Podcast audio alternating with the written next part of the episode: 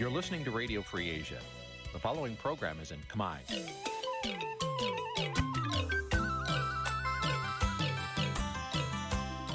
នេះជាកម្មវិធីផ្សាយ Vuthu Azizi Serai នេះជាកម្មវិធីផ្សាយរបស់ Vuthu Azizi Serai ជាភាសាខ្មែរ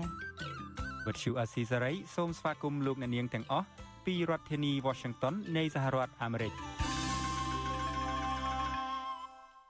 បាទពីរដ្ឋធានី Washington ខ្ញុំបាទសេកបណ្ឌិតសូមជម្រាបសួរអស់លោកអ្នកនាងកញ្ញាទាំងអស់ជាទីមេត្រី បាទយើងខ្ញុំសូមជូនកម្មវិធីផ្សាយសម្រាប់រាត្រីថ្ងៃសៅរ៍12រោចខែផល្គុនឆ្នាំខាលចត្វាស័កពុទ្ធសករាជ2566ត្រូវនៅថ្ងៃទី18ខែមិនិនាគ្រិស្តសករាជ2023បាទជាដំបូងនេះសូមអញ្ជើញអស់លោកអ្នកនាងស្ដាប់ព័ត៌មានប្រចាំថ្ងៃដែលមានមេតិការដូចតទៅ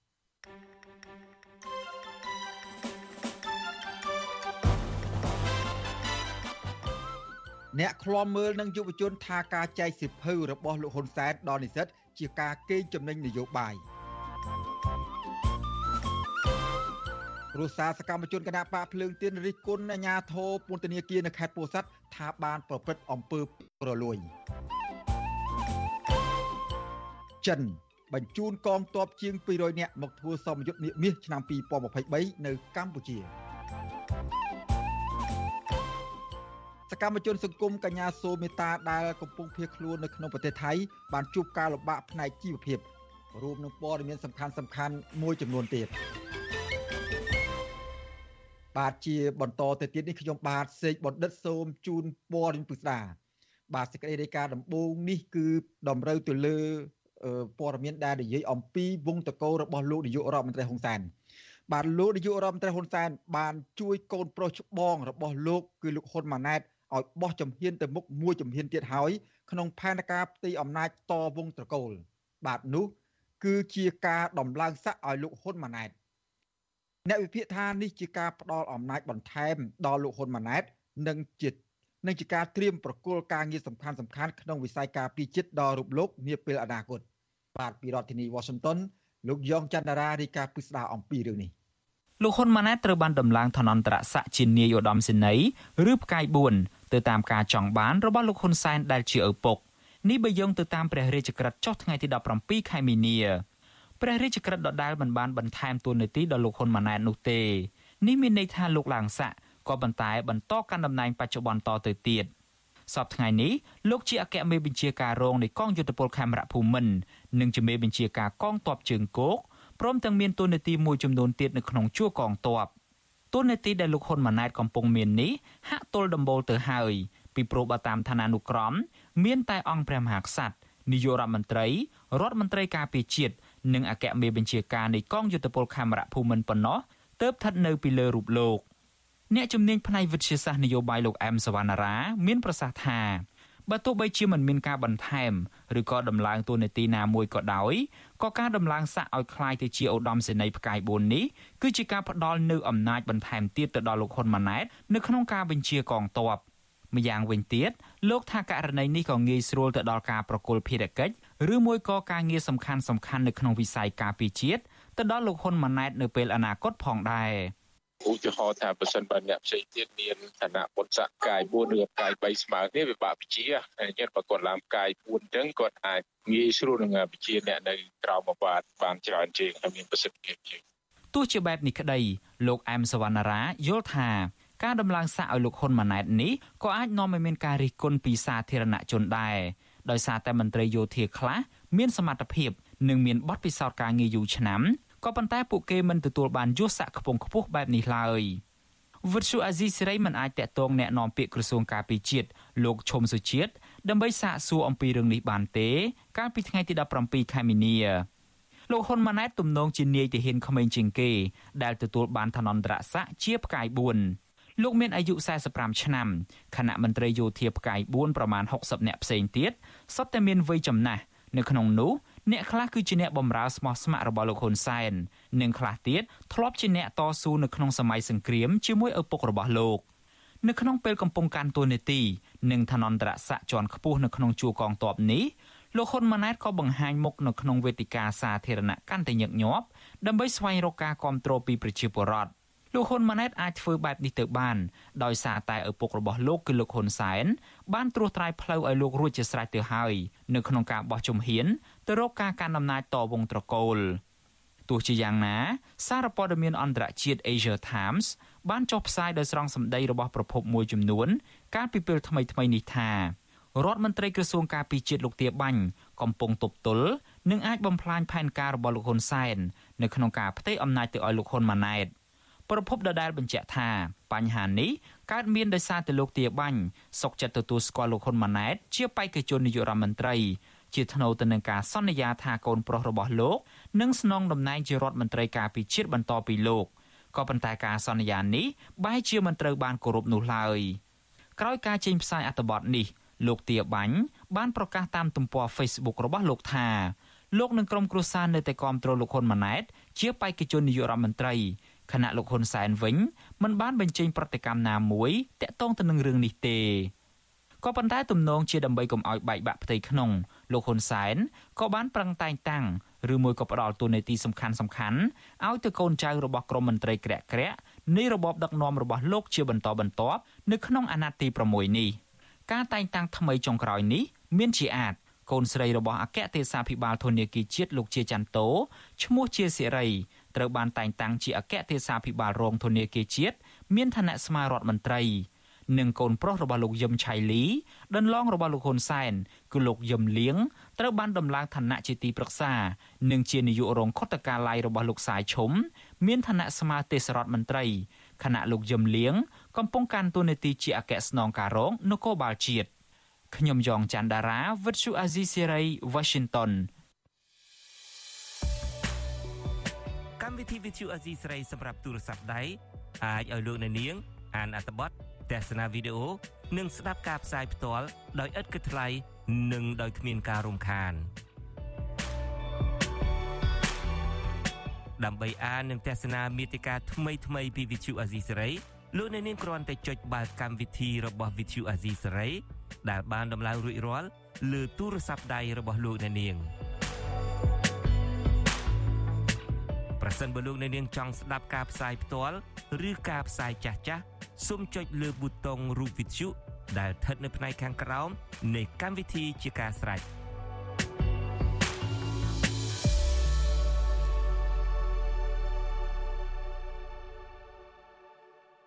បាទលោកនាងកញ្ញាជាទីមេត្រីលោកនាងកំពុងតាមដានស្ដាប់ការផ្សាយរបស់វិទ្យុអស៊ីសេរីពីរដ្ឋធានីវ៉ាស៊ីនតោនសហរដ្ឋអាមេរិក បាទសេចក្តីរាយការណ៍ជាបន្តទៅទៀតនេះយើងមិនទាន់ទៅណាឆ្ងាយអំពីយុទ្ធសាស្ត្រនយោបាយរបស់ក្រមប្រសាតកោហ៊ុននោះឡើយបាទអ្នកជំនាញផ្នែកវិទ្យាសាស្ត្រនយោបាយនិងយុវជនលើកឡើងថាការចែកសិភៅដែលសរសេរសរសើរពីការដឹកនាំរបស់លោកហ៊ុនសែនដល់និស្សិតតាមសាកលវិទ្យាល័យដោយឥតគិតថ្លៃគឺជាការកេងចំណេញផ្នែកនយោបាយ បាទការលើកឡើងនេះដោយសារតែកូនប្រុសរបស់លោកហ៊ុនសែនគឺលោកហ៊ុនម៉ាណីបានចុះចែកសិភៅដែលមានខ្លឹមសារលើកដំកើងឪពុករបស់លោកដល់និស្សិតតាមសាកលវិទ្យាល័យជាបន្តបន្ទាប់បាទអ្នកនាំពាក្យគណៈបកប្រជាជនកម្ពុជាថាការនិពន្ធសិភៅនិងចែកចាយដល់និស្សិតនេះគឺជាសិទ្ធិសេរីភាពផ្នែកនយោបាយពុំមានខុសច្បាប់អ្វីនោះទេ បាទពីរដ្ឋធានី Washington លោកជាតិចំណានរាយការណ៍អំពីរឿងនេះអ្នកខ្លំមើលនឹងយុវជនមួយចំនួនលើកឡើងថា បើទោះបីជាមន្ត្រីគណៈបកប្រជាជនកម្ពុជាចុះចែកសិភើដែលមានខ្លឹមសារលើកសរសើរដល់ការដឹកនាំរបស់លោកនាយករដ្ឋមន្ត្រីហ៊ុនសែនក្តីក៏ហាក់ដូចជាមិនសូវទទួលបានឥទ្ធិពលក្នុងការតាក់ទាញប្រជាប្រិយភាពនយោបាយនោះឡើយប្រសិនបើបញ្ហាជាច្រើននៅក្នុងសង្គមមិនត្រូវបានដោះស្រាយឲ្យបានល្អប្រសើរទេនោះអ្នកជំនាញផ្នែកវិទ្យាសាស្ត្រនយោបាយលោកអែមសវណ្ណារាប្រាប់វិទ្យុអស៊ីសេរីនៅថ្ងៃទី18ខែមីនានេះថាវាមិនមែនជារឿងថ្មីនោះទេដែលគណៈបកកាន់អំណាចបានព្យាយាមសរសេរសិភៅលើកសរសើរពីលោកនាយរដ្ឋមន្ត្រីហ៊ុនសែន ថាជាមេដឹកនាំល្អស្របពេលដែលកម្ពុជាខ្វះអ្នកត្រួតពិនិត្យដែលមានទស្សនៈកណ្ដាលឬឯករាជ្យទៅលើឯកសារទាំងនោះឲ្យបានត្រឹមត្រូវជាមុនទោះជាយ៉ាងណាលោកថាការផ្សព្វផ្សាយរបស់បកកាន់អំណាចតាមរយៈសិភៅនិងភាពយន្តមួយចំនួនមកលើយុវជននេះពុំសូវមានប្រសិទ្ធភាពខ្ពស់នោះទេគណៈបញ្ហាសង្គមជាច្រើនដូចជាបញ្ហាសិទ្ធិមនុស្សចំនួនដីធ្លីបញ្ហាគ្រឿងញៀននិងការកេងប្រវ័ញ្ចរវាងអ្នកមានលុយមានអំណាចទៅលើប្រជាពលរដ្ឋទុនខ្សោយ នៅតែបន្តកើតមានជាហូរហែដែលធ្វើឲ្យប្រជាពលរដ្ឋបានដឹងច្បាស់រួចមកហើយ នៅក្នុងករណីដែលស្នាដៃឬក៏សមិទ្ធផលដែលធ្វើឡើងខ្វះការឆ្លុះបញ្ចាំងការពិតហើយខ្វះការបកស្រាយមតិកដាលឬក៏អ្នកដែលមានទស្សនៈគំនិតយល់ដឹងនឹងខ្វះការចូលរួមវាអាចអង្គនៅគេហៅថាភាពពិចារណាមិនចំណុចវិជ្ជមិនដល់ចំណុចវិជ្ជមានសម្រាប់ពលរដ្ឋដែរចឹងធ្វើឲ្យពលរដ្ឋនឹងខ្វះការការគិតខ្វះការពិចារណាក្នុងខណៈពេលដែលអវត្តមាននៅសម្លេងកដាលឬក៏សម្លេងប្រឆាំងដែរ អ្នកខ្លំមើលនយោបាយកម្ពុជាថាលោកហ៊ុនសែនបានប្រើប្រាស់ស្ថាប័នអប់រំដើម្បីពង្រីកបណ្ដាញយុវជនដើម្បីឲ្យគ្រប់គ្រងបកកណ្ដាលអំណាចជាបន្តបន្ទាប់ទោះជាបែបនេះក្តីសិស្សនិស្សិតមួយចំនួនមិនសប្បាយចិត្តចំពោះការអូសទាញពួកគេឲ្យទៅជាសមាជិកគ្រប់គ្រងបកខ្លួនហើយណែនាំនិស្សិតទាំងនោះឲ្យអរគុណសន្តិភាពរយៈពេលប្រមាណថ្ងៃចុងក្រោយនេះសហភាពសហព័ន្ធយុវជនកម្ពុជាដែលដឹកនាំដោយកូនប្រុសលោកហ៊ុនសែនគឺលោកហ៊ុនម៉ាណីបានចុះចាយសៀវភៅដែលមានចំណងជើងថាសម្ដេចហ៊ុនសែន ជាអ្នកគោះវាសជោគវាសនាកម្ពុជាទៅដល់សិស្សនិស្សិតនៅតាមសាកលវិទ្យាល័យមួយចំនួនក្នុងរាជធានីភ្នំពេញនិងបណ្ដាខេត្តមួយចំនួនជាបន្តបន្ទាប់សិភៅនេះសរសេរដោយប្រធានគណៈស្រាវជ្រាវប្រវត្តិសាស្ត្រគណៈបកប្រជាជនកម្ពុជាលោកកែវបាភ្នំក្នុងគោលបំណងដំកើងការដឹកនាំរបស់លោកហ៊ុនសែនមិនត្រឹមតែចុះចែកសិភៅដោយឥតគិតថ្លៃប៉ុណ្ណោះទេលោកហ៊ុនម៉ាណីក៏បានចំណាយពេលថ្លែងសារនយោបាយទៅកាន់និស្សិតឲ្យអគុណសន្តិភាពនិងគ្រប់គ្រងការដឹកនាំរបស់ឪពុកលោកជុំវិញរឿងនេះ អ្នកនាំពាក្យគណៈបកប្រជាជនកម្ពុជាលោកសុកអេសានលើកឡើងថាការរិះគន់របស់អ្នកវិភាគឬយុវជននេះគឺជារឿងមិនត្រឹមត្រូវលោកថាអ្នករិះគន់ទាំងនោះកំពុងតែរំលោភសិទ្ធិរបស់គេលោកបន្តថានៅប្រទេសកម្ពុជាពុំមានច្បាប់ហាមឃាត់ទៅលើអ្នកទាំងឡាយណាដែលនិពន្ធសិភៅឬផលិតរឿងរបស់មេដឹកនាំនោះទេកុំឲ្យតែរឿងទាំងនោះបង្កផលប៉ះពាល់ដល់ប្រទេសជាតិតែប៉ុណ្ណោះ។ អាហ្នឹងវាជារឿងធម្មតាកុំឲ្យទៅវាពាក់ព័ន្ធប៉ះពាល់ទៅនៃថ្លៃថ្នូរកិត្តិយសរបស់បងប្អូនដែលទីទាននេះនោះបើទូគាត់មើលថាតើវាមានប៉ះពាល់កិត្តិយសដល់បងប្អូនទេបើសិនណាជាអត់មានទេអាហ្នឹងយើងរំលោភគេហើយព្រោះអាហ្នឹងវាទៅសេការផ្សព្វផ្សាយទូផ្សព្វផ្សាយស្អីក៏ដោយអាហ្នឹងវាជាសិទ្ធិដែលមានចែងនៅក្នុងរដ្ឋធម្មនុញ្ញហើយចំណែកនិស្សិតដែលកំពុងសិក្សានៅសាកលវិទ្យាល័យភូមិន្ទកសិកម្មរាជធានីភ្នំពេញសូមមិនបញ្ចេញឈ្មោះហើយលើកឡើងថាបច្ចុប្បន្ននេះ ក្រុមការងារសសយកកដែលជាអ្នកគ្រប់គ្រងបកកណ្ដាលអំណាចព្យាយាមចែកសិភៅដែលសរសេរសរសើរពីការដឹកនាំរបស់លោកហ៊ុនសែនជាបន្តបន្ទាប់លោកថាសកម្មភាពទាំងនោះពុំផ្ដល់គំរូល្អដល់យុវជននោះឡើយហើយលោកទទូចដល់រដ្ឋាភិបាល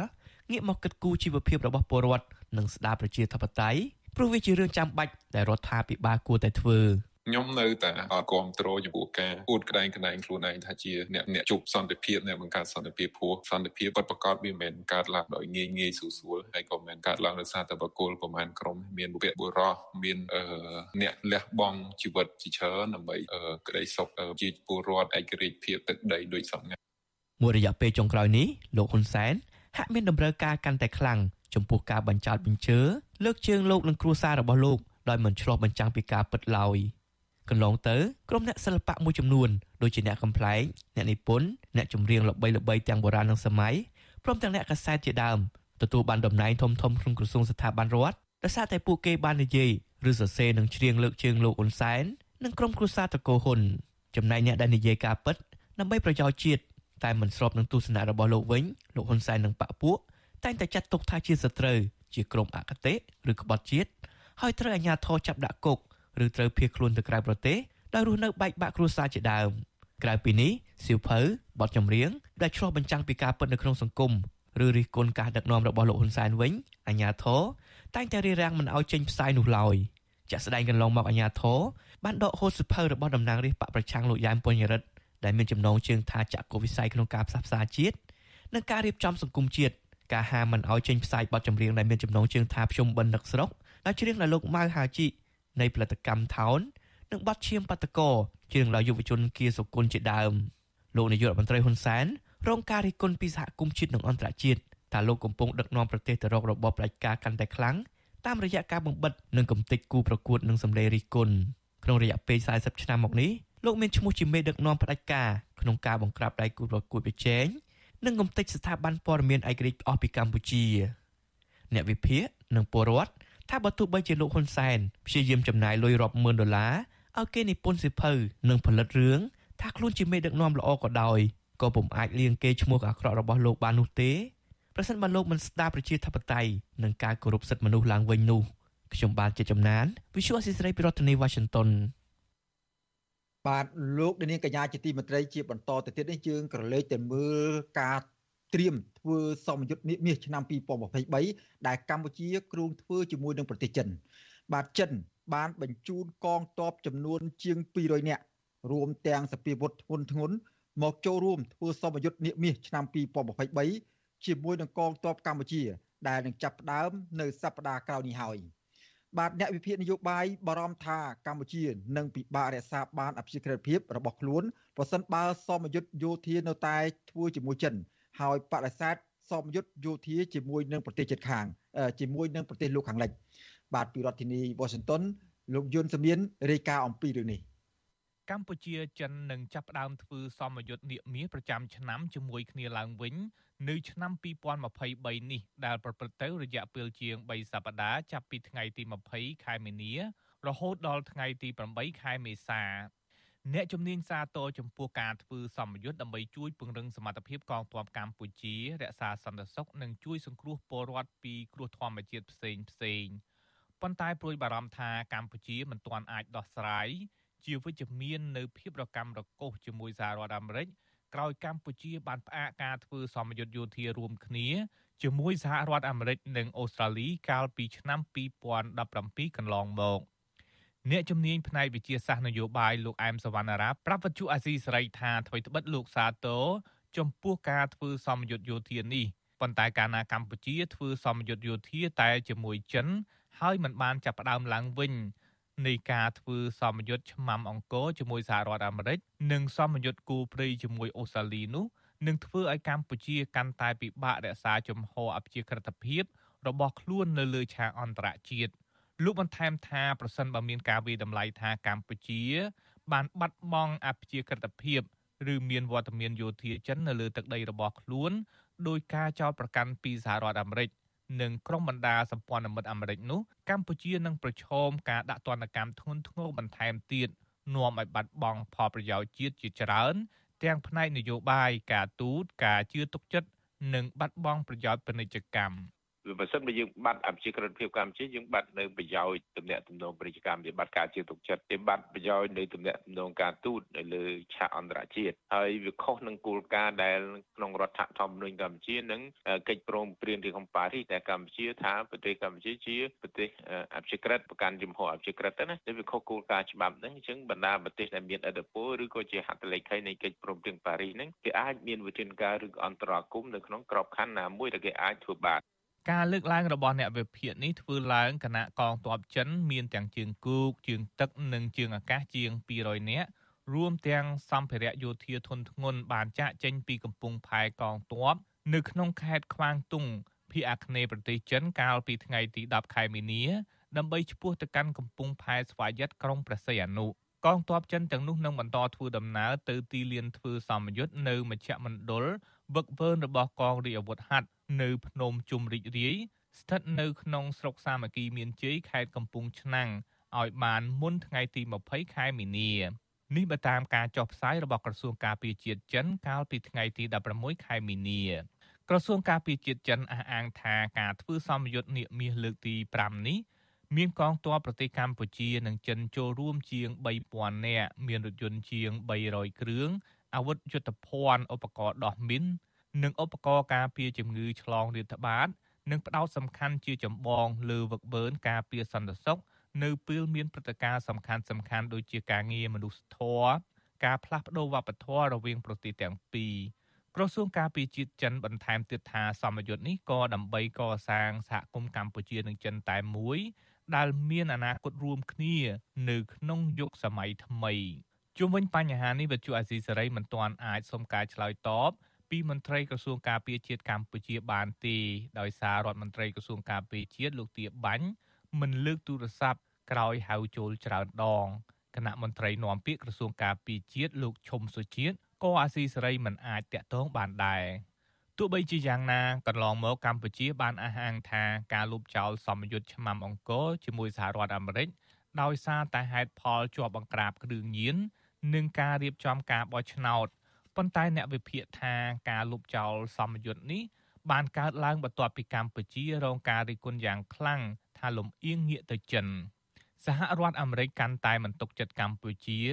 រឿងលំអៀងខ្លាំងទៅចិន បន្ទាប់ពីកាសែត The Wall Street Journal កាលពីឆ្នាំ2019ផ្សាយថាកម្ពុជាបានចុះកិច្ចព្រមព្រៀងសម្ងាត់អនុញ្ញាតឲ្យយោធាចិន ប្រើប្រាស់មួយផ្នែកនៃមូលដ្ឋានកងទ័ពទឹករៀមសម្រាប់រយៈពេល30ឆ្នាំនិងការវិកំតិចអាគារដែលសាងសង់ដោយជំនួយរបស់សហរដ្ឋអាមេរិកដោយគ្មានការជូនដំណឹងជាមុនកាលពីឆ្នាំ2020ដើម្បីកសាងអាគារថ្មីដែលជាជំនួយរបស់ចិនជំនួសវិញទោះបីជាយ៉ាងណាកាលពីថ្ងៃទី16មីនាលោកហ៊ុនសែនបានចេញមុខបដិសេធជាថ្មីថាកម្ពុជាគ្មានវត្តមានកងទ័ពចិននោះទេ ហើយលោកបានចោទប្រកាន់បរទេសថាកំពុងចាប់ផ្ដើមធ្វើយុទ្ធនាការឡើងវិញដើម្បីបង្ខូចកេរ្តិ៍ឈ្មោះរដ្ឋាភិបាលរបស់លោក តាមរយៈការចោទប្រកាន់ថានឹងផ្ដល់ឲ្យយោធាចិន ប្រើប្រាស់មូលដ្ឋានកងទ័ពរៀមលោកបន្តថាកម្ពុជាជាម្ចាស់ប្រទេសដូច្នេះកម្ពុជាមានសិទ្ធិសម្រេចទោះបីជាយ៉ាងណារដ្ឋធម្មនុញ្ញខ្មែរមិនអនុញ្ញាតឲ្យមានវត្តមានកងទ័ពបរទេសនៅលើទឹកដីកម្ពុជានោះទេ លោកហ៊ុនសែនក៏បង្ហាញការខឹងច្រឡោតនៅពេលមានការផ្សព្វផ្សាយពីរូបភាពកាយរណបដែលបានបង្ហាញពីការដ្ឋានសាងសង់មូលដ្ឋានកងទ័ពរៀមដោយលោកចាត់ទុកថាជារឿងមិនចាំបាច់និងជាទង្វើឆោតល្ងង់អាគារនឹងវានឹងឡើងខ្ពស់ថ្ងៃចាំទៅមើលទៅវាខ្ពស់ពេកហើយចាំបាច់ចាប់កាត់តឡាយទៅខ្មោចហើយល្ងងហើយក៏ល្ងងណាស់បើថាមិនបើថាភ្លើណា ខ្ញុំបញ្ជូននៃទាហានរបស់ខ្ញុំទៅពង្រៀនដែរឬក៏បញ្ជូននិស្សិតរបស់ខ្ញុំទៅពង្រៀនដែរមិនបាច់ខ្ញុំទៅពង្រៀនបន្តទេពួកវិស្វកម្មពួកសំណង់ស៊ីវិលរបស់យើងអាចទៅពង្រៀនដែរបានហើយរបៀបធ្វើយ៉ាងហើយព្រោះដូចជាជ្រុលពេកទោះបីជាយ៉ាងណាអ្នកវិភាគយល់ឃើញថាសម្ដីរបស់លោកហ៊ុនសែនមិនមែនជាផលចំណេញដើម្បីឲ្យសហរដ្ឋអាមេរិកមានការជឿទុកចិត្តវិញនោះទេ អ្នកជំនាញផ្នែកវិទ្យាសាស្ត្រនយោបាយលោកអែមសវណ្ណារាយល់ឃើញថាបញ្ហាសំខាន់របស់កម្ពុជានៅពេលនេះត្រូវរកវិធីកសាងទំនាក់ទំនងល្អជាមួយសហរដ្ឋអាមេរិកតាមរយៈការធ្វើឲ្យសហរដ្ឋអាមេរិកមានទំនុកចិត្តឡើងវិញ ទាំងផ្នែកយោធានិងផ្នែកនយោបាយអ្នកវិភាគរូបនេះហាក់មានសង្ឃឹមថាប្រសិនកម្ពុជាអាចរកវិធីឈានទៅចាប់ផ្ដើមការធ្វើសមយុទ្ធយោធាជាមួយសហរដ្ឋអាមេរិក និងការដោះស្រាយបញ្ហានយោបាយនានា ជាពិសេសករណីកាត់ទោសលោកកំសខា ប្រធានគណៈបកសង្គ្រោះជាតិនោះ វានឹងអាចឲ្យសហគមន៍អន្តរជាតិជាពិសេសសហរដ្ឋអាមេរិកមានទំនុកចិត្តលើកម្ពុជាឡើងវិញខ្ញុំយុនសាមៀនវិទ្យុអាស៊ីសេរីប្រធានាធិបតី Washington បាទលោកនាងកញ្ញាជាទីមេត្រីលោកនាងកំពុងតាមដានស្ដាប់ការផ្សាយរបស់វិទ្យុអាស៊ីសេរីពីរដ្ឋធានី Washington សហរដ្ឋអាមេរិក ឥឡូវនេះយើងក៏លេខមកមើលបញ្ហាដកប្រព័ន្ធអនុគ្រោះពន្ធ EVA ពីកម្ពុជាវិញម្ដងបាទជាថ្មីម្ដងទៀតសហភាពអឺរ៉ុបបានប្រមានដកហូតប្រព័ន្ធអនុគ្រោះពន្ធគ្រប់មុខទំនិញទាំងអស់លើកលែងតែអាវុធហៅកាត់ថា EBA ពីកម្ពុជាបន្ថែមទៀតប្រសិនបើការបោះឆ្នោតជាតិជ្រើសរើសតាំងតំណាងរាស្ត្រនៅខែកក្កដាខាងមុខនេះធ្វើឡើងមិនស្របតាមស្តង់ដារអន្តរជាតិឬប្រសិនបើនៅតែកើតមានការរំលោភសិទ្ធិមនុស្សការរំលាយប្រជាធិបតេយ្យបន្តទៀតនៅកម្ពុជានោះ បាទការដកហូតប្រព័ន្ធអនុគ្រោះពន្ធ EBA របស់សហភាពអឺរ៉ុបនេះក្រៅពីប៉ះពាល់ទៅដល់វិស័យកាត់ដេរ EBA ក៏បានគ្របដណ្ដប់ទៅលើផលិតផលប្រមាណជាជាង7000ប្រភេទនៅក្នុងនោះក៏មានជាង900ប្រភេទគឺជាផលិតផលកសិកម្មបាទតើការប្រមានដកហូតប្រព័ន្ធអនុគ្រោះពន្ធ EBA ទាំងស្រុងនេះនឹងប៉ះពាល់យ៉ាងដូចម្ដេចទៅលើវិស័យកសិកម្មនោះ បាទនៅពេលបន្តិចទៀតនេះយើងនឹងមានសម្ភាសមួយជាមួយនឹងតំណាងសមាគមកសិករកម្ពុជា ដែលផ្ដោតអំពីផលប៉ះពាល់លើវិស័យកសិកម្មបើសិនជាសហភាពអឺរ៉ុបនៅតែបន្តព្យាយាមដកប្រព័ន្ធអនុគ្រោះពន្ធ EBA ទាំងស្រុងពីកម្ពុជានាពេលខាងមុខនោះបាទសូមអស់លោកនាងរងចាំស្ដាប់បទសម្ភាសន៍នេះកុំបីខាននាពេលបន្តិចនេះបាទសូមអរគុណ thank you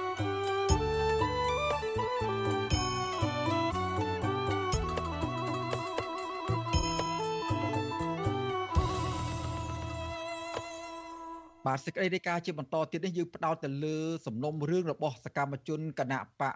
ភ្លើងទៀនវិញម្ដងបាទក្រមគ្រួសារសកម្មជនគណៈបកភ្លើងទៀនរិះគន់អាជ្ញាធរពុទ្ធនាគារនៅខេត្តពោធិ៍សាត់ថាបានប្រព្រឹត្តអំពើពុករលួយ ដែលធ្វើឲ្យប៉ះពាល់ដល់សិទ្ធិអ្នកជាប់ឃុំ និងជីវភាពគ្រួសាររបស់ពួកគេជាខ្លាំងបាទមន្ត្រីសិទ្ធិមនុស្សជំរុញឲ្យអាជ្ញាធរពាក់ព័ន្ធចុះស្រាវជ្រាវដោយតម្លាភាពនិងយុត្តិធម៌ដើម្បីទប់ស្កាត់អំពើពុករលួយ និងការគៀបសង្កត់ផ្នែកសេដ្ឋកិច្ច ចំពោះគ្រួសារជនជាប់ឃុំដែលមានជីវភាពក្រីក្រស្រាប់ហើយនោះបាទពីរដ្ឋធានី Washington លោកយ៉ងច័ន្ទតារាមានសេចក្តីរាយការណ៍ដាច់ដライមួយទៀតអំពីបញ្ហានេះគ្រួសារសកម្មជនគណៈបកប្រឆាំងនៅខេត្តពោធិ៍សាត់ស្នើដល់អាជ្ញាធរពាក់ព័ន្ធទប់ស្កាត់អំពើពុករលួយនៅក្នុងពន្ធនាគារខេត្តពោធិ៍សាត់ឲ្យមានប្រសិទ្ធភាព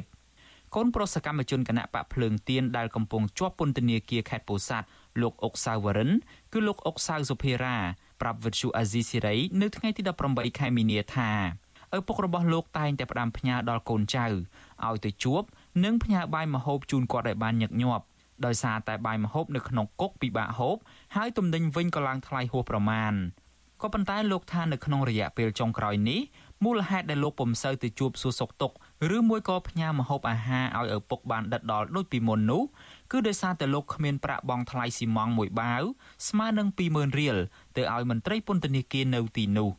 លើពីនេះទៅទៀតលោកអះអាងថាមន្ត្រីពន្ធនាគារដែលបានដឹកឪពុករបស់លោកចូលសវនាការនៅសាឡាវធរបាត់ដំបងកន្លងទៅនោះក៏ធ្លាប់ទារថ្លៃសាំងពីឪពុករបស់លោក ចំនួន50ដុល្លារនិងថ្លៃហូបចុកថែមទៀតផង លោកអុកសៅសុភារ៉ាឲ្យដឹងថាដោយសារតែការប្រព្រឹត្តអំពើពុករលួយ របស់មន្ត្រីពន្ធនាគារបែបនេះទើបឪពុករបស់លោកសម្រេចមិនប្តឹងជំទាស់ទៅនឹងសាលដីការបស់សាឡាវធរទៅតុលាការកំពូលបន្តទៀតឡើយពីព្រោះតែជីវភាពគ្រួសារខ្វះខាត ហើយគាត់មិនសង្ឃឹមថានឹងទទួលបានយុត្តិធម៌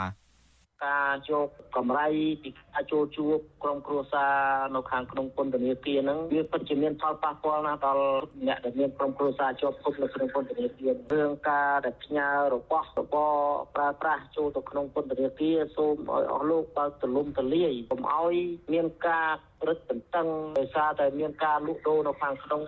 ការរកស៊ីរបស់អស់លោកតែជាធ្វើឲ្យបាត់បង់សិទ្ធិនិងប្រយោជន៍របស់អ្នកជាប់ឃុំ ស្រដៀងគ្នានេះប្រពន្ធសកម្មជនគណៈបកភ្លើងទៀនម្នាក់ទៀតដែលកំពុងជាប់ឃុំលោកឈួនឈឿង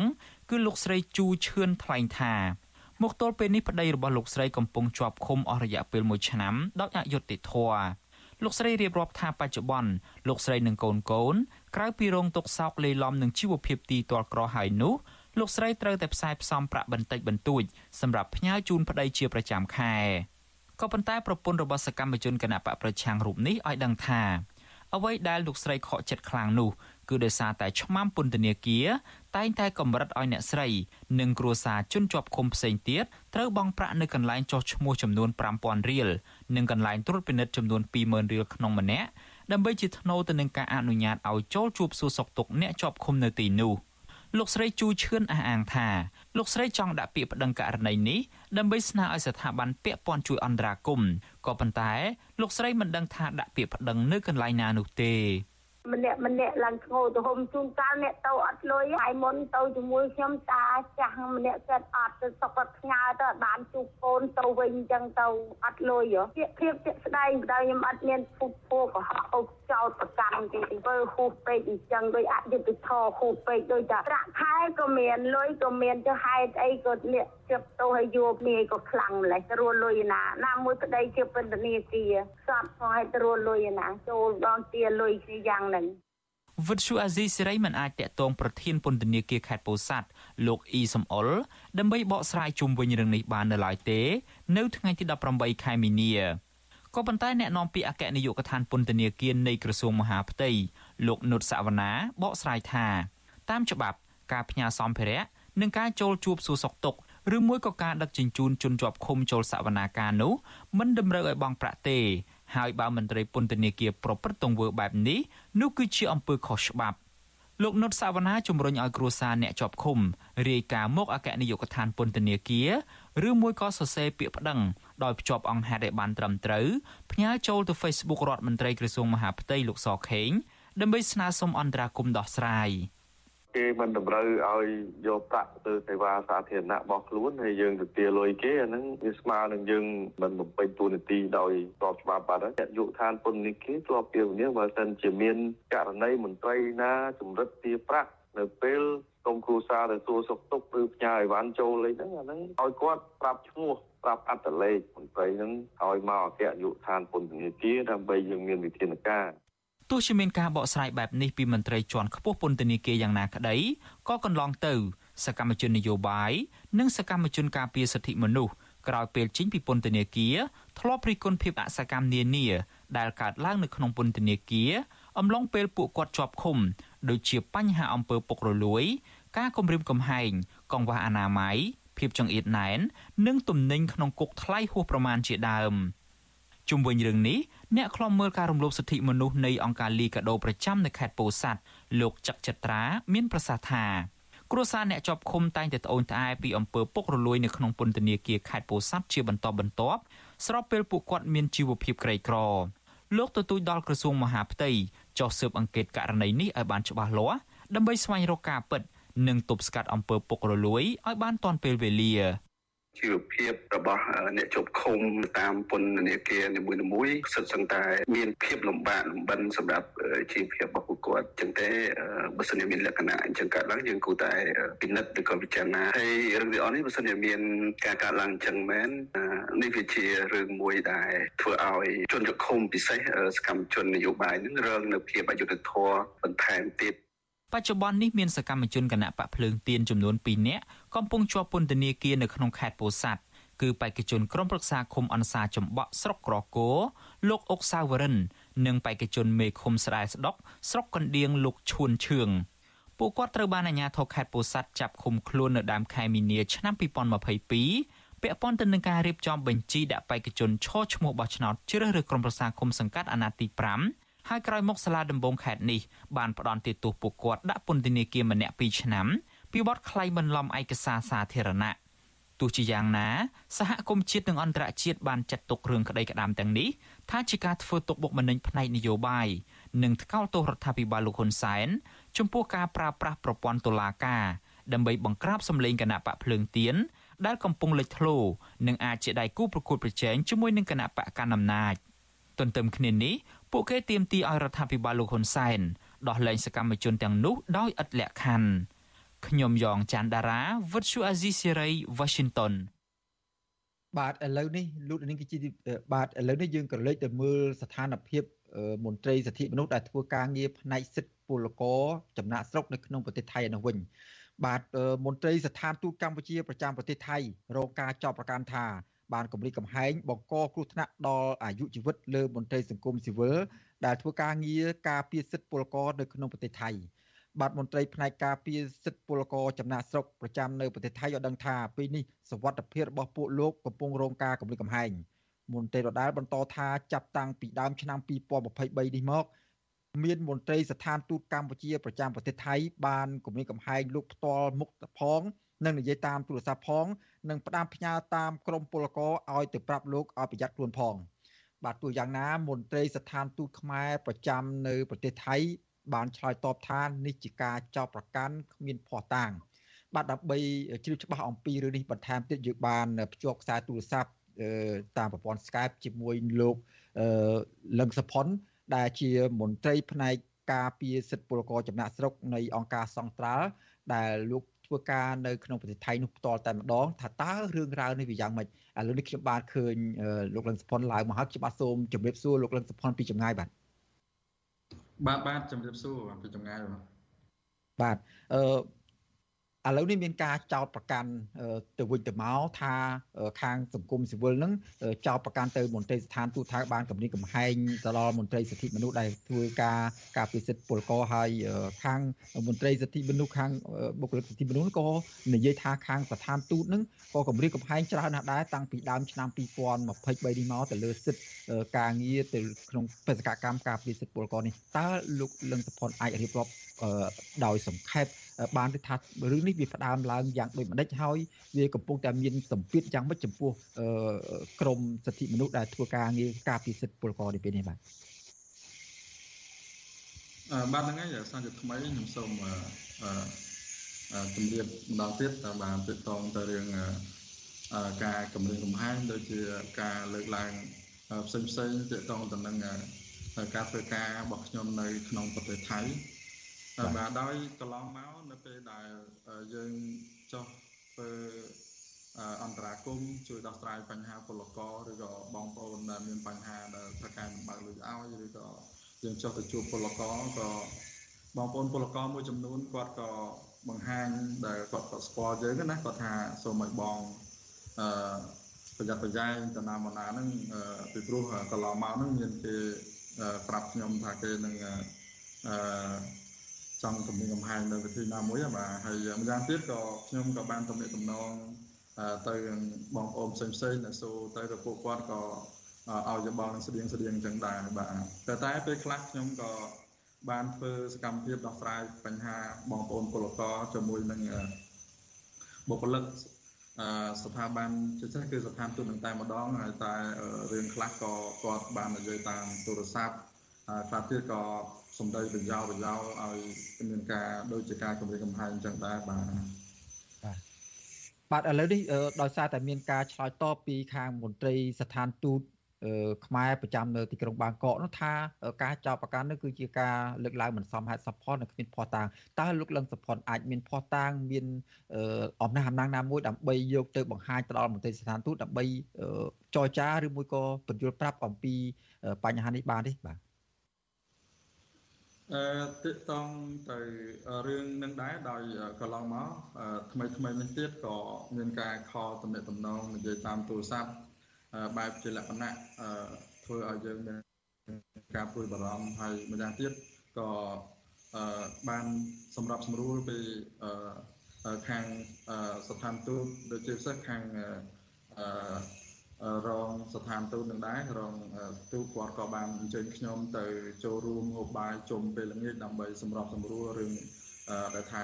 គម្រាមកំហែងខ្ញុំនឹងដែរហើយមួយទៀតខ្ញុំក៏មិនដឹងថាគម្រាមកំហែងនឹងគឺដោយវិធីណាទេតែគ្រាន់តែថាចោលពាក្យសម្ដីបែបលក្ខណៈជាការដែលធ្វើឲ្យយើងមានការព្រួយបារម្ភពីសុខភាពក្នុងការធ្វើការរបស់យើងនៅស្រុកថៃណាបាទហើយមានការខលតាមទូរស័ព្ទហើយក៏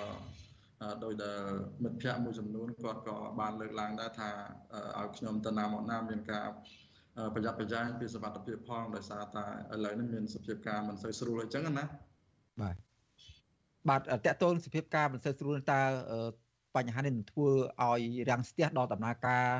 ការពារសិទ្ធិពលករឬមួយក៏ការងារផ្សេងផ្សេងទៀតដែលលោកកំពុងតែបំពេញបេសកកម្មនៅក្នុងប្រទេសថៃនោះផ្ទាល់តែម្ដងឬក៏ចាំមិនទេបាទ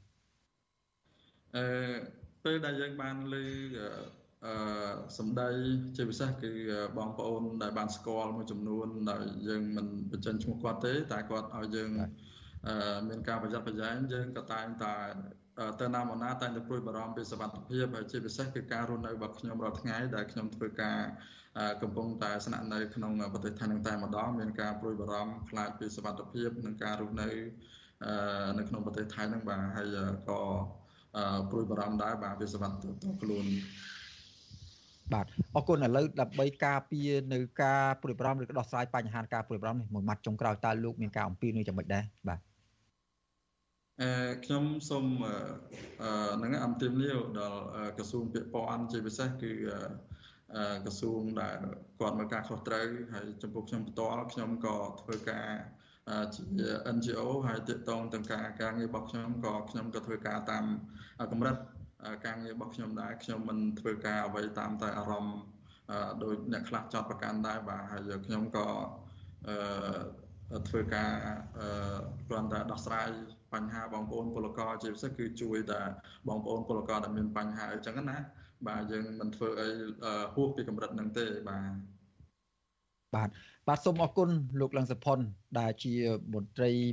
ផ្នែកសិទ្ធិមនុស្សផ្នែកការពារសិទ្ធិពលករនៅក្នុងប្រទេសថៃនៃអង្គការសង្គ្រោះបានផ្ដល់បទសម្ភាសជាមួយនឹងវិទ្យុអស៊ីសេរីសម្រាប់ប្រទេសនេះហើយយើងនឹងតាមដានរឿងនេះបន្តទៀតតើវានឹងដោះស្រាយយ៉ាងម៉េចនៅពេលខាងមុខនោះបាទសូមជម្រាបលាលោកលឹងសុផុនតែប៉ុណ្្នេះសិនបាទបាទបាទសូមអរគុណ បាទលោកនាងកញ្ញាជាទីមេត្រីឥឡូវនេះយើងមិនទាន់ទៅណាឆ្ងាយអំពីសេចក្តីរាយការណ៍ពីប្រទេសថៃនោះទេ បាទសកម្មជនសង្គមកញ្ញាអេងម៉ាឡៃហៅសូមេតា ដែលកំពុងរស់នៅភៀសខ្លួនក្នុងប្រទេសថៃជាមួយនឹងប្អូនស្រី2នាក់ដើម្បីកិច្ចពីការតាមធ្វើទុកបុកម្នេញពីសំណាក់អាជ្ញាធរក្រុងភ្នំពេញនោះកំពុងប្រឈមនឹងការលំបាកជាច្រើនក្នុងជីវភាពរស់នៅប្រចាំថ្ងៃ។ បាទទោះយ៉ាងណាកញ្ញានៅតែចេញមុខតវ៉ាតាមបណ្ដាញសង្គមដើម្បីប្រឆាំងនឹងទង្វើរបស់រដ្ឋាភិបាលដែលរំលោភសិទ្ធិមនុស្សនិងប្រជាធិបតេយ្យនៅកម្ពុជា បាទពីរដ្ឋធានីវ៉ាស៊ីនតោនលោកយ៉ងច័ន្ទដារា មានសេចក្តីរាយការណ៍មួយទៀតអំពីរឿងនេះសកម្មជនសង្គមកញ្ញាសូមេតានិងប្អូនស្រីពីរនាក់ទៀតដែលកំពុងរស់នៅភៀសខ្លួននៅក្នុងប្រទេសថៃកំពុងប្រឈមបញ្ហាលំបាកជាច្រើនក្នុងជីវភាពដោយសារតែនាងគ្មានការងារធ្វើ គ្មានប្រាក់ចំណូលគ្មានអាហារហូបចុកគ្រប់គ្រាន់និងបារម្ភអំពីបញ្ហាសុវត្ថិភាពព្រោះពុំមានឯកសាររស់នៅស្របច្បាប់សប្តាហ៍ថ្ងៃនេះកញ្ញាសូមេតានិងប្អូនស្រីរស់នៅដោយពឹងអាស្រ័យទៅលើព្រះសង្ឃដែលជាអ្នកផ្ដល់បាយសម្រាប់បរិភោគប្រចាំថ្ងៃសកម្មជនសង្គមដែលធ្លាប់ជាប់ពន្ធនាគារអស់រយៈពេលជាង1ឆ្នាំរូបនេះបានសម្រេចរត់ភៀសខ្លួនទៅនៅប្រទេសថៃរយៈពេលជាង4ខែមកហើយក្រោយពីនាងទទួលបានសារគំរាមកំហែងដល់អាយុជីវិតចំនួន3លើក អតីតសមាជិកក្រុមយុវជនខ្មែរថាវរៈកញ្ញាសូមេតាប្រាប់វិទ្យុអាស៊ីសេរីថាបច្ចុប្បន្ននេះកញ្ញាមិនចង់ត្រឡប់ទៅកម្ពុជាវិញនោះទេពីព្រោះតែបារម្ភអំពីការចាប់ខ្លួនដោយសារតែស្ថានភាពនយោបាយនៅកម្ពុជាហាក់ឡើងកម្ដៅខ្លាំងហើយរដ្ឋាភិបាលលោកហ៊ុនសែនបន្តគម្រាមកំហែងមកលើសកម្មជននយោបាយនិងអ្នកធ្វើកិច្ចការងារសង្គមព្រមទាំងដែរបញ្ចុះបញ្ចូលឲ្យពួកគេចោះចូលជាមួយនឹងគណៈបកកណ្ដាលអំណាចជាថ្នូវទៅនឹងការមិនចាប់ខ្លួន ឬក៏មិនធ្វើទុកបុកម្នេញតាមរូបភាពផ្សេងផ្សេងជាដើមជាមកបញ្ចុះបញ្ចូលហៅគឺខ្ញុំអត់ទៅទេខ្ញុំអត់ចុះចូលអត់លក់អដំក៏ទេខ្ញុំសុខចិត្តមានឈ្មោះថារកចៅស្រុកតែខ្ញុំមិនលក់អដំក៏ទេបំរើជនផ្ដាច់ការបំផ្លាញជាតិយើងទេខ្ញុំសុខចិត្តស្លាប់ប្រសើរជាងដែរទៅធ្វើការឲ្យអ្នកដែរបំផ្លាញជាតិ កញ្ញាសូមេតាធ្លាប់ត្រូវបានអាជ្ញាធរចាប់ខ្លួនកាលពីថ្ងៃទី7ខែកញ្ញាឆ្នាំ2020ដោយចោទប្រកាន់ពីបទញុះញង់បង្កឲ្យមានភាពវឹកវរធ្ងន់ធ្ងរដល់សន្តិសុខសង្គមក្រោយពេលនាងនិងយុវជនដទៃទៀតតវ៉ាទាមទារឲ្យអាជ្ញាធរដោះលែងលោករងឈុននិងព្យាយាមប្រមូលផ្ដុំគ្នាតវ៉ាសម្ដែងមតិនៅទីលានប្រជាធិបតេយ្យដើម្បីយុត្តិធម៌សង្គម ក្រោយពីអនុវត្តទោសអស់រយៈពេល14ខែនៅក្នុងពន្ធនាគារកញ្ញាត្រូវបានតុលាការដោះលែងនៅថ្ងៃទី8ខែតុលាឆ្នាំ2021ក្រោយដោះលែងមកកញ្ញានៅតែបន្តចូលរួមការងារសង្គមជាបន្តបន្ទាប់រហូតដល់មានសារគំរាមកំហែងនិងមានអ្នកមិនស្គាល់មុខជិះឡានមកបុកពីក្រោយឲ្យរងរបួសអំឡុងពេលដែលកញ្ញាបានជិះម៉ូតូចេញពីកន្លែងធ្វើកោតកម្មរបស់ក្រុមកោតក្រ Nagawal នៅរាជធានីភ្នំពេញជុំវិញទុកលំបាកនៅឯប្រទេសថៃវិញ ប្អូនស្រីកញ្ញាសូមេតាដែលបានភៀសខ្លួនមកជាមួយបងស្រីដែរនោះគឺកញ្ញាអេងច័ន្ទឌីលើកឡើងថាមានពេលខ្លះកញ្ញាដេកយំនឹកស្រុកចង់ត្រឡប់ទៅខ្មែរវិញក៏ប៉ុន្តែស្ថានភាពមិនអាចវិលត្រឡប់ទៅវិញបាន ពីព្រោះតែបារម្ភពីសុវត្ថិភាពផ្ទាល់ខ្លួនកញ្ញាទទូចឲ្យរដ្ឋាភិបាលបើកលំហសិទ្ធិសេរីភាពជូនពួកគាត់ហើយកុំធ្វើទុកបុកម្នេញទៅលើគ្រួសារនិងពួកគាត់តទៅទៀត។ខ្ញុំ ចង់ទៅខ្លាំងគាត់ឈឺគាត់អីគាត់ខ្ញុំចង់ទៅឲ្យគាត់តែអត់មានឱកាសទៅព្រោះអីតែពីសុខភាពខ្លួនឯងស្នំពោឲ្យរដ្ឋាភិបាលរកទៅទុកមកម្នេញដល់នាងខ្ញុំនិងគ្រួសារទៅមកត្រឡប់ទៅវិញសុខភាពកុំឲ្យពួកគាត់ទៅបាបដែរកន្លងទៅកញ្ញាអេងច័ន្ទឌីក៏តែងតែចូលរួមសកម្មភាពនានាទាមទារឲ្យដោះលែងបងស្រី និងអ្នកទោសមនសិការជាច្រើនទៀតផងដែរកញ្ញាក៏ធ្លាប់ត្រូវបានអាជ្ញាធរគំរាមកំហែង មិនឲ្យសរសេរពីទុកលំបាករបស់បងស្រីនៅក្នុងពន្ធនាគារកាលពីពេលកន្លងទៅហើយថែមទាំងប្រាប់ឲ្យកញ្ញាបញ្ឈប់សកម្មភាពតវ៉ាដែលអាជ្ញាធរចោទថាជាទង្វើខុសច្បាប់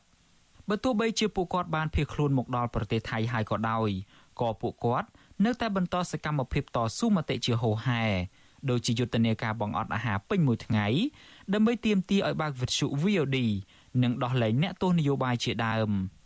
តកតងទៅនឹងស្ថានភាពរស់នៅរបស់កញ្ញាសូមេតានិងប្អូនស្រីនេះព្រះដេចប្រគុណវ័នសម្បានគង់នៅវត្តមួយនៅក្នុងទីក្រុងបាងកកប្រទេសថៃដែលតែងតែឧបត្ថម្ភអាហារខ្លះដល់សកម្មជនសង្គម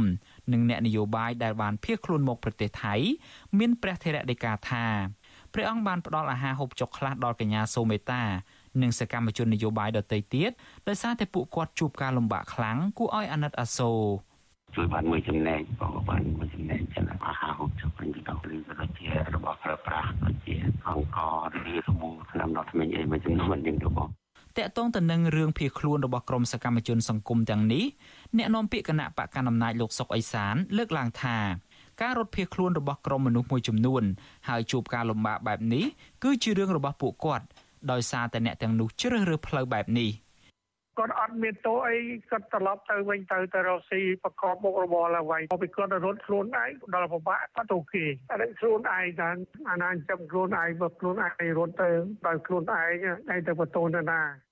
តកតងទៅនឹងរឿងនេះដែរអ្នកនាំពាក្យសមាគមការពារសិទ្ធិមនុស្សអាត6លោកសឹងសានករណាលើកឡើងថាបញ្ហាជួបការលំបាករបស់ប្រជាពលរដ្ឋដែលភៀសខ្លួនទៅក្រៅប្រទេសនេះគឺជារូបភាពមិនល្អឡើយ ខណៈកម្ពុជាប្រកាន់នូវគោលការណ៍ប្រជាធិបតេយ្យដែលធានាសុវត្ថិភាពជូនប្រជាពលរដ្ឋលោកស្នើដល់អាជ្ញាធរគួរតែធានាសុវត្ថិភាពដល់អ្នកដែលហ៊ាននិយាយការពិត អំពីបញ្ហាសង្គម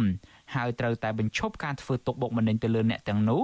ដើម្បីពួកគាត់អាចត្រឡប់ទៅមាតុភូមិវិញបានដោយសុវត្ថិភាព។ ពលរដ្ឋយើងចេះតែមានការភ័យខ្លាចដោយសារការប្រើប្រាស់នៅសិទ្ធិសេរីភាពរបស់ខ្លួនហើយចេះតែចាក់ចេញហើយភៀសខ្លួនទៅនៅក្រៅប្រទេសអីទាំងអស់នេះវាមិនជារឿងមួយល្អប្រសើរទេគឺមានការប៉ះពាល់ច្រើនទាំងដល់កម្មជនខ្លួនឯងនឹងក្នុងការវិបាករស់នៅទាំងការរស់បែកបាក់គ្រួសារអីទាំងអស់នេះវាសិតសឹងតែជារឿងមួយដែលយើងមិនចង់ឃើញកើតមានឡើងនៅក្នុងសង្គមកម្ពុជាយើងនឹងទេបាទ តកតងទៅនឹងស្ថានភាពបច្ចុប្បន្នរបស់កញ្ញាសូមេតានិងប្អូនស្រីវិញបើទោះបីជាពួកគាត់ពេលនេះមានជីវភាពលំបាកយ៉ាងណាក្តីក៏កញ្ញាសូមេតាបដិញ្ញាចិត្តថានឹងបន្តសកម្មភាពការពារសិទ្ធិមនុស្សនិងចូលរួមស្ដារប្រជាធិបតេយ្យនៅកម្ពុជាទៅតាមលទ្ធភាពរបស់ខ្លួនរហូតដល់ជីវិតចុងក្រោយខ្ញុំយ៉ងច័ន្ទដារាវិទ្យុអាស៊ីសេរី Washington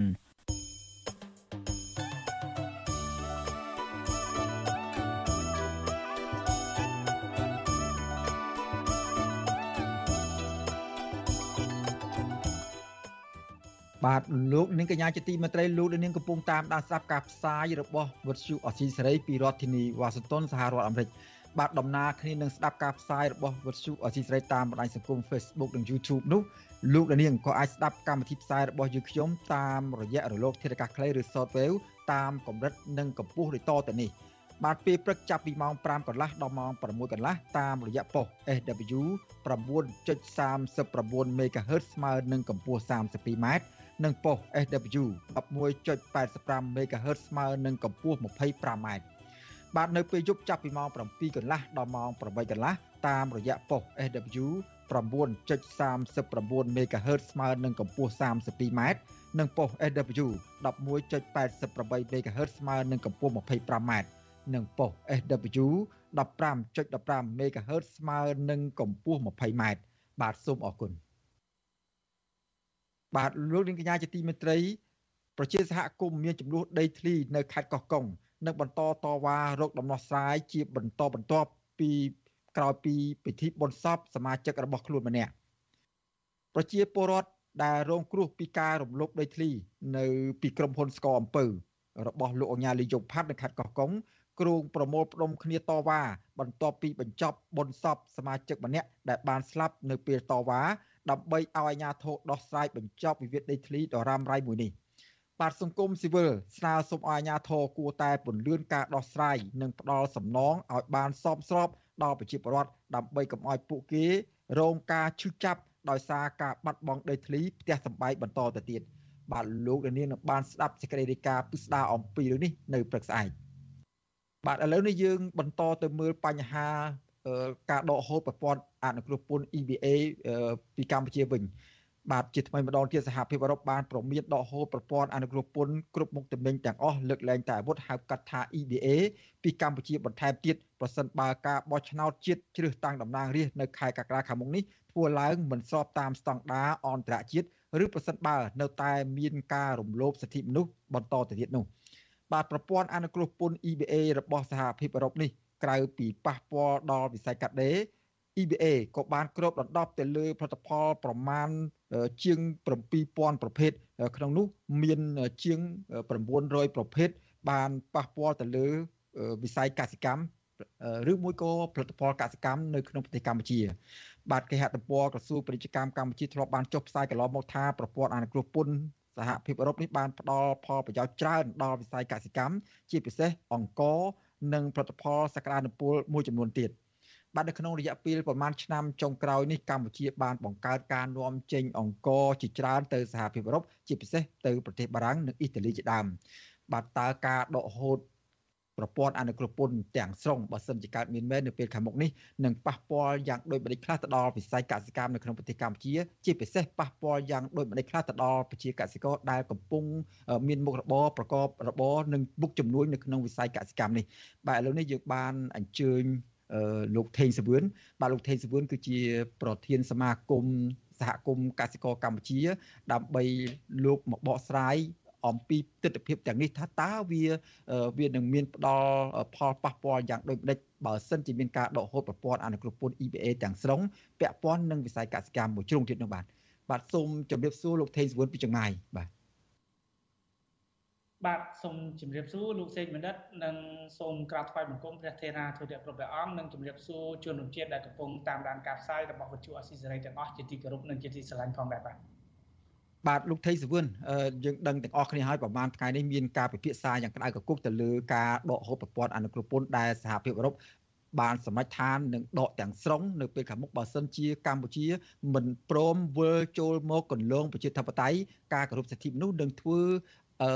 ការបោះឆ្នោតដោយត្រឹមត្រូវយុត្តិធម៌ដែលអាចឲ្យសហគមន៍ជាតិនិងអន្តរជាតិទទួលយកបានដែលប្រព្រឹត្តទៅនៅខែកក្កដាខាងមុខនេះ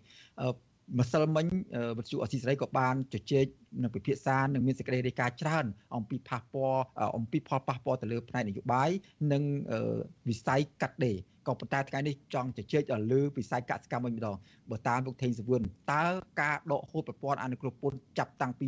20%ហើយចុងក្រោយក៏មានដកហូតទាំងស្រុងនេះតើវានឹងប៉ះពាល់យ៉ាងដូចម្ដេចទៅលើវិស័យកសិកម្មនោះបើសេចក្តីរាយការណ៍កន្លងមកបានបញ្ជាក់ឲ្យថាយ៉ាងហោចណាស់ក៏មានមុខតំណែងជិត 200ប្រភេទដែរដែលប៉ះពាល់ទៅដល់វិស័យកសិកម្មដែលកំពុងតែមានការនាំចេញជាបន្តបន្ទាប់នៅពេលនេះបាទអរគុណលោកសេងបណ្ឌិតយើងមានការព្រួយបារម្ភនៅពេលដែលសភារបស់សហភាពអឺរ៉ុបបានចេញនៅដំណោះស្រាយចំនួន7ចំណុចហើយគម្រាមអំពីដំណើរការនៃការដកនៅកម្មវិធីប្រព័ន្ធអនុគ្រោះពន្ធអ្វីៗគ្រប់យ៉ាងលើកលែងតែអាវុធ ដែលជាផលិតផលដែលត្រូវនាំតំណែងចេញពីកម្ពុជាដែលមិនជាប់ពន្ធក៏ប៉ុន្តែយើងបានទទួលពន្ធនៅពេលដែលនាំចូលផលិតផលពីអឺរ៉ុបហើយខ្ញុំមើលអំពីវិស័យកសិកម្មយើងដឹងថានៅក្នុងឆ្នាំ2022កម្ពុជាគឺជាប់ចំណាត់ថ្នាក់ទីផ្សារនៃការនាំចេញទៅសហភាពអឺរ៉ុបហ្នឹងគឺចំណាត់ថ្នាក់លេខ3បន្ទាប់ពីប្រទេសចិននិងប្រទេសនៅអាស៊ីហើយប្រទេសនៅនៅតំបន់អឺរ៉ុប ក៏ជាទីផ្សារជាប់ចំណាត់ថ្នាក់លេខ3ដែរដែលទិន្នន័យនេះត្រូវបានផ្សាយដោយនាយកដ្ឋាននៃអគ្គនាយកដ្ឋាននៃក្រសួងកសិកម្មរុក្ខាប្រមាណនិងនេសាទកាលពីថ្ងៃទី29ឆ្នាំ2022កន្លងទៅ ហើយផលិតផលកសិកម្មជាង1សែនតោន1សែន84000តោនបាននាំទៅលក់នៅទីផ្សាររបស់សហភាពអឺរ៉ុបហើយផលិតផលដែលយើងមើលឃើញសំខាន់សំខាន់នោះសិតសឹងជាផលិតផលដែលប្រជាពលរដ្ឋខ្មែរយើង ធ្វើការដាំដុះហើយតែងតែរពឹងទៅលើទីផ្សាររបស់សហភាពអឺរ៉ុបរួមមានស្ករសអង្ករគ្រាប់ស្វាយចន្ទីកែច្នៃដំឡូងមីថ្នាំជក់បន្លែចម្រុះដំណាប់ស្វាយម្រេចនិងផលិតផលិតផលផ្សេងទៀតហើយអ្វីដែលខ្ញុំកត់សម្គាល់ខ្លាំងនោះគឺថាក្នុងចំណោមផលិតផលវិស័យកសិកម្មទាំងអស់ហ្នឹងគឺថាអង្ករត្រូវបាននាំចេញច្រើនជាងគេទាញប្រិយមិត្តឲ្យចាប់អារម្មណ៍ដែរថា ទីផ្សារនៃការលក់អង្កររបស់កម្ពុជានៅលើទឹកដីរបស់សហភាពអឺរ៉ុប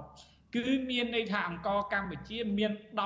10%នៃអង្ករសរុបដែលនៅលើទីផ្សាររបស់សហភាពអឺរ៉ុបអញ្ចឹង10%មិនមិនមិនតិចទេឧបមាថាបើសិនជាអង្ករដែលអឺរ៉ុបនាំចូលពីប្រទេសផ្សេងផ្សេង100តោនយ៉ាងហោចណាស់គឺយើងមាន10តោននៃអង្ករដែលកំពុងលក់នៅទីផ្សាររបស់សហភាពអឺរ៉ុបក្នុងពេលបច្ចុប្បន្នខណៈដែលយើងបានទទួលបានការ នាំចូលដោយអត់មានការគិតពន្ធហើយវាការនាំចូលនេះបានផ្ដល់នៅផលប្រយោជន៍និងបានផ្ដល់នៅឱកាសនិងចំណូលជាច្រើនសម្រាប់ប្រទេសកម្ពុជាក៏ដូចជាជួយទៅលើជីវភាពរបស់កសិករដែរហើយគណៈយើងដឹងហើយថាទីផ្សារនៃការលក់ស្រូវនិងលក់អង្កររបស់ប្រទេសកម្ពុជានឹងមានការពើប្រឈមនឹងបញ្ហាស្ទើរតែរៀងរាល់ឆ្នាំហើយនៃការត្អូញត្អែរបស់បងប្អូនប្រជាពលរដ្ឋផងដែរបាទ បាទអរគុណលោកថេសវឿនមន្ត្រីរដ្ឋាភិបាលជាពិសេសលោកនាយករដ្ឋមន្ត្រីហ៊ុនសែនផ្ទាល់តែម្ដងលោកថ្លែងថាមិនបារម្ភទេអំពីការដកហូតប្រព័ន្ធអនុគ្រោះពន្ធចាប់តាំងពី20%ក៏ដោយរហូតដល់ដកទាំងស្រុងក៏ដោយជាពិសេសទៅលើបញ្ហាស្រូវអង្គរនេះពីព្រោះទំនងជារដ្ឋាភិបាលមានទំនុកទុកចិត្តទៅលើកិច្ចព្រមព្រៀងពាណិជ្ជកម្មសេរីដែលបានធ្វើប្រមាណឆ្នាំកន្លងមកនេះជាមួយនឹងកម្ពុជានិងចិនតើពាណិជ្ជកម្មសេរីដែលទទួលទំនិញ ថានឹងទទួលតំណែងពីកម្ពុជាជាច្រើនរយមុខនោះអាចជំនួសបានការបាត់បង់ប្រព័ន្ធអនុគ្រោះពន្ធ EBA ជំនួសបាននៃការមិននាំចេញផលិតផលកសិកម្មទៅកាន់អឺរ៉ុបទៅកាន់ប្រទេសផ្សេងផ្សេងខាងលោកខាងលិចដែលបានដែរឬយ៉ាងណាទេបាទបាទលោកសេងបណ្ឌិតតាមពិតអើបើយើងមើលប្រទេសចិនក៏ជាប្រទេសដែលនាំចេញនៅផលិតផលកសិកម្មទៅលក់ទៅកាន់ប្រទេសមួយចំនួនដូចជាសហរដ្ឋអាមេរិកអូស្ត្រាលីនិងសហភាពអឺរ៉ុបដែរ មិនមែនប្រទេសចិនពឹងផ្អែកតែទិញទំនិញគ្រប់យ៉ាងពីកម្ពុជាទេពិសេសអង្ករជាដើមគឺប្រទេសចិនក៏មានស្រូវដែរអញ្ចឹងខ្ញុំគិតថាអឺទំហំនៃពាណិជ្ជកម្មដោយពឹងផ្អែកតែទៅលើប្រទេសចិនតែមួយផ្នែកនេះมันអាចដោះស្រាយបញ្ហាទីផ្សារកសិផលនិងទីផ្សារនៃការនាំចេញរបស់ប្រជាពលរដ្ឋកម្ពុជា បាននោះឡើយហើយអ្នកដែលរងផលប៉ះពាល់នោះ មិនមែនរងផលប៉ះពាល់ដោយអ្នកដែលមានទ្រព្យធនមានមានការរកស៊ីធំនោះទេអ្នកដែលរងផលប៉ះពាល់ចម្បងមុនគេនឹងគឺថាអ្នកផលិតពិសេសគឺកសិករខ្នាតតូចហេតុផលដែលខ្ញុំលើកឡើងបែបនេះដោយសារនៅប្រទេសកម្ពុជាយើងអ្នកនាំចេញសិតសឹងតែជាតកែគាត់មានលុយគាត់មានទុនប្រើប្រាស់គ្រប់គ្រាន់ក្នុងការប្រមូលទិញពីកសិករអញ្ចឹងហើយគាត់មានលទ្ធភាពកម្ចីពីបរទេសឬក៏ពីធនាគារនៅក្នុងប្រទេសកម្ពុជាក៏ប៉ុន្តែសម្រាប់អ្នកផលិត នៅក្នុងប្រទេសកម្ពុជាយើងគឺទុននិងដើមទុនដែលគាត់ផលិតនេះគឺពឹងផ្អែកទាំងស្រុងទៅលើកម្ចីខ្លួនឯងផ្ទាល់ហើយនឹងពីធនាគារនិងមេកលដែលតោហើយពិសេសទៅទៀតគឺដើមទុនរបស់ខ្លួនឯងក្នុងការផលិតអញ្ចឹងនៅពេលដែលមានការខាតបង់ឬក៏តម្លៃទីផ្សារនៃផលិតផលកសិកម្មចុះថោក អ្នកដែលវ័នកត្រូវលក់ផ្ទះលក់ដីលក់ស្រែក្នុងការសងគេនោះគឺកសិករខ្លួនឯងជាកសិករខ្នាតតូចមិនមែនជាអ្នកថកែធំធំក្នុងការលក់ទេឬក៏ជាអ្នកជំនួយក្នុងការលក់ឬក៏មន្ត្រីរាជការធំធំដែលជាអ្នកលក់ឬក៏នាំចេញនោះទេបាទបាទចំពោះផលប៉ះពាល់វិញកន្លងមកទំនិញដែលនាំចេញពីកម្ពុជាផ្នែកខាងកសិកម្មនោះគឺបានដឹងឮងាយនឹងដឹងឮនោះគឺថាភាគច្រើនមានតែកស៊ូ ស្រូវសំទុះអង្គហើយនិងម្រេចតើក្រៅពីមុខទំនិញប្រភេទឧស្សាហកម្មទាំងប្រមាណមុខនេះពាក់ព័ន្ធនឹងទំនិញកសិកម្មផលិតផលកសិកម្មដែលពាក់ព័ន្ធទៅនឹងបញ្ហាឧបភោគបរិភោគវិញមានផ្លែឈើជាដើមនោះតើកម្ពុជាកសិករកម្ពុជាអាចមានលទ្ធភាពផលិតដើម្បីនាំចេញទៅប្រទេសលោកខាងលិចឬជាពិសេសទៅខាងផ្នែកទីផ្សារអឺរ៉ុបនោះបានខ្លះដែរទេបាទ តាមទិន្នន័យរបស់ក្រសួងកសិកម្មអគ្គនាយកដ្ឋានក្រសួងកសិកម្មថាយើងមានការកែច្នៃគ្រាប់ស្វាយចន្ទទីហើយយើងមានឆ្នាំជក់និងបន្លែចម្រុះរួមជាមួយនឹងដំណាប់ស្វាយនិងម្រេចគឺបាននាំចេញទៅទីផ្សារនៅលក់នៅកាន់ទីផ្សាររបស់សហភាពអឺរ៉ុបហើយការលក់នេះគឺគោរពទៅលើគោលការណ៍នៃការភោគៀមអនាម័យខ្លាំងហើយ មកពេលបច្ចុប្បន្ននេះអ្វីដែលពលរដ្ឋពេញនិយមនៅសម្រាប់វិស័យកសិកម្មប្រទេសកម្ពុជាគឺអង្គតែម្ដងអញ្ចឹងយើងឃើញថាការនាំអង្គពីប្រទេសកម្ពុជាចេញទៅកាន់សហភាពអឺរ៉ុបគឺមានភាពច្រើនខ្លាំងមែនទែនដែលជាគួរឲ្យកត់សម្គាល់និងជាគួរឲ្យព្រួយបារម្ភប្រសិនបើកម្មវិធី EBA ត្រូវបានកាត់ផ្ដាច់នោះវាគឺជាកត្តានៃការជួបប្រឈមខ្លាំងហើយកត្តាប្រឈមនឹងផលប៉ះពាល់ចម្បងដែលខ្ញុំមើលឃើញនោះគឺមាន5ចំណុច ទី1យើងគិតថាការនាំចេញទំនិញវិស័យកសិកម្មទៅកាន់សហភាពអឺរ៉ុបហ្នឹងគឺនឹងអាចធ្លាក់ចុះឬក៏មិនទទួលបាននូវផលចំណេញទេពីព្រោះថាយើងឃើញថានៅក្នុងបរិបទចុងក្រោយនេះគឺការនាំចេញទៅកាន់អឺរ៉ុបហ្នឹងក៏មានការធ្លាក់ចុះដែរអញ្ចឹងបើបើសិនជាអ្នករកស៊ីគាត់រកស៊ីត្រមែនតែចំណេញប៉ុន្តែបើសិនជា ការកាត់ផ្តាច់នៃការអនុគ្រោះពន្ធនេះគឺការធ្លាក់ចុះទៅកាន់អឺរ៉ុបនឹងខ្លាំងហើយការខាតបង់នៃសេដ្ឋកិច្ចជាតិរបស់កម្ពុជាយើងក៏ក៏មានការខាតបង់ដែរហើយខ្ញុំមើលមួយជ្រុងទៀតគឺចំណូលសេដ្ឋកិច្ចអាចនឹងប្រឈមនៃការនាំចេញហើយទីផ្សារនៃការលក់ផលិតផលរបស់កសិកម្មនឹងគឺទីផ្សាររបស់កសិករពិសេសទីផ្សារស្រូវអង្គហ្នឹងគឺនឹងអាចប្រឈមកាន់តែខ្លាំងថែមទៀត ហើយបញ្ហាទាំងអស់នឹងនាំបញ្ហាដែលឈឺក្បាលដល់រដ្ឋាភិបាលពីព្រោះថាពេលបច្ចុប្បន្នយើងមានការអនុគ្រោះពន្ធយើងមានការនាំអង្គចេញទំហំដ៏ធំទៅកាន់ទីផ្សាររបស់សហភាពអឺរ៉ុបហើយនៅតែទីផ្សារស្រូវនិងអង្គនៅប្រទេសកម្ពុជាបង្កើតជាបញ្ហានាំឲ្យមានការឈឺក្បាលនិងមានការត្អូញត្អែគ្រប់ស្ទើរតែគ្រប់ឆ្នាំពីសំណាក់ប្រជាពលរដ្ឋបាទហើយមួយទៀតគឺការខាតបង់នៃការប្រកបមុខរបរនិងជីវភាពរបស់បងប្អូនយើងហ្នឹងគឺអាចនឹងប្រឈមខ្លាំងយើងដឹងហើយថាការប្រកបមុខរបរវិស័យកសិកម្ម គឺពួកគាត់នៅអាចធ្វើស្រែធ្វើស្រូវបានលុះត្រាតែចំណេញប៉ុន្តែបើសិនជាគាត់លក់ខាតគ្មានទីផ្សារលក់អញ្ចឹងការប្រកបនឹងការខាតបង់ការប្រកបមុខរបរហ្នឹងគឺការបោះបង់វិស័យកសិកម្មអាចនឹងប្រឈមដែរហើយទីផ្សារដោយសារគ្មានទីផ្សារហើយបំណុលវានឹងអាចកើន កាន់តែខ្លាំងឡើងផងដែរហើយភាពក្រីក្រនិងចំណូលជីអរវគុភាពណនឹងកាន់តែក្រលំបាកអរគុណលោកថេងសវុនតាមពិតយើងនៅមានការជជែកគ្នាច្រើនទៀតអំពីការផលប៉ះពាល់ EBA នេះដោយសារតែពេលវេលាបានដល់ទីបញ្ចប់នៃការផ្សាយរបស់យើងហើយសូមអរគុណលោកតែប៉ុណ្ណេះសិនហើយអឺសង្ឃឹមថានឹងបានជជែកគ្នាអំពីរឿងនេះបន្តទៀតនៅពេលណាមួយនោះបាទអរគុណលោកថេងសវុននិងជម្រាបលាតែប៉ុណ្ណេះសិនបាទបាទ